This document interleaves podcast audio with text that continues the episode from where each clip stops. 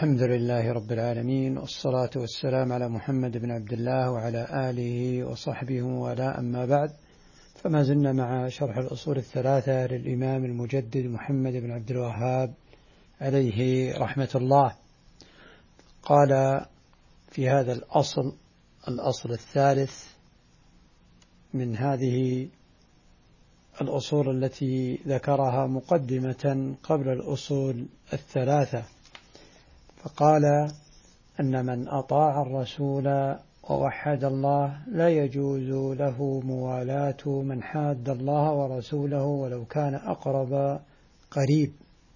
والدليل قوله تعالى لا تجد قوما يؤمنون بالله واليوم الآخر يوادون من حاد الله ورسوله ولو كانوا آباءهم أو أبناءهم أو إخوانهم أو عشيرتهم أولئك كتب في قلوبهم الإيمان وأيدهم بروح منه ويدخلهم جنات تجري من تحتها الأنهار خالدين فيها رضي الله عنهم ورضوا عنه. أولئك حزب الله ألا إن حزب الله هم المفلحون. فبين أن من أطاع الله من أطاع الرسول ووحد الله لا يجوز له موالاة الكفار. فالبراءة وعدم موالاة المشركين والكافرين فيجب على المسلم أن يتبرأ منهم براءة كلية. أما المسلم تكون البراءة منه جزئية لا تكون براءة كلية من المسلم. وتحريم موالاة الكفار والمشركين وبغضهم ولكن هذا البغض لا يحمل المسلم على ظلم الكافر والاعتداء على دمه وماله وعدم إعطائهم حقوقهم كأن يكون جار أو هناك رحم فيما بينهم كأب أو أم أو أخ أو أخت. وعدم التعامل معهم ببيع وشراء أو إذا تعامل معهم في البيع والشراء أن يظلمهم ويكذب عليهم ويغشهم لأنهم كفار. أبدا. والشرع أجاز الزواج من الكتابية وتكون أما لولده ويكون بينهم من المودة والمحبة هي المحبة الجبلية حب الرجل لزوجته. فهذا كله مشروع في دين الله. فهذا الأصل حصل فيه خلط وخط كبير وحصل فيه تقريرا لمذهب الخوارج لمن لم يفهم ما عليه النبي صلى الله عليه وسلم وأصحابه رضي الله عنهم وأرضاهم وأئمة الهدى والدين. فالموالاة تكون كفرا إذا كان هذا الموالي محبا للكفر وأهله ورغبة في ظهور الكفر على الإسلام ويسعى محبة بظهور دين الكفر على الإسلام. هذا كفر ولا يخالف فيه أحد. ولكن قد يكون كبيرة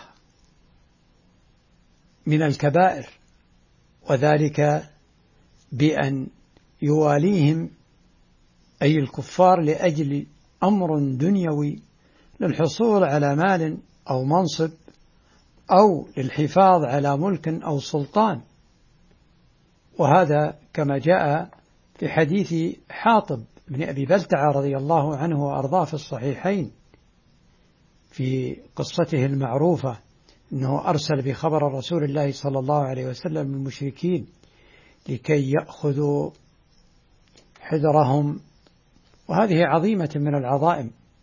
فلما كشف الأمر جاء جبريل وأخبر النبي صلى الله عليه وسلم وأرسل علي وطلحة مع المرأة التي أرسلها حاطب ابن أبي بلتعة ثم جيء به قال عمر دعني أضرب عنق هذا المنافق. فقال النبي صلى الله عليه وسلم اتركه يا عمر.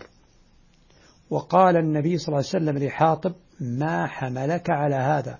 فيستفصل هل موالاته لأجل دينهم وظهور دينهم ومحبة لدينهم؟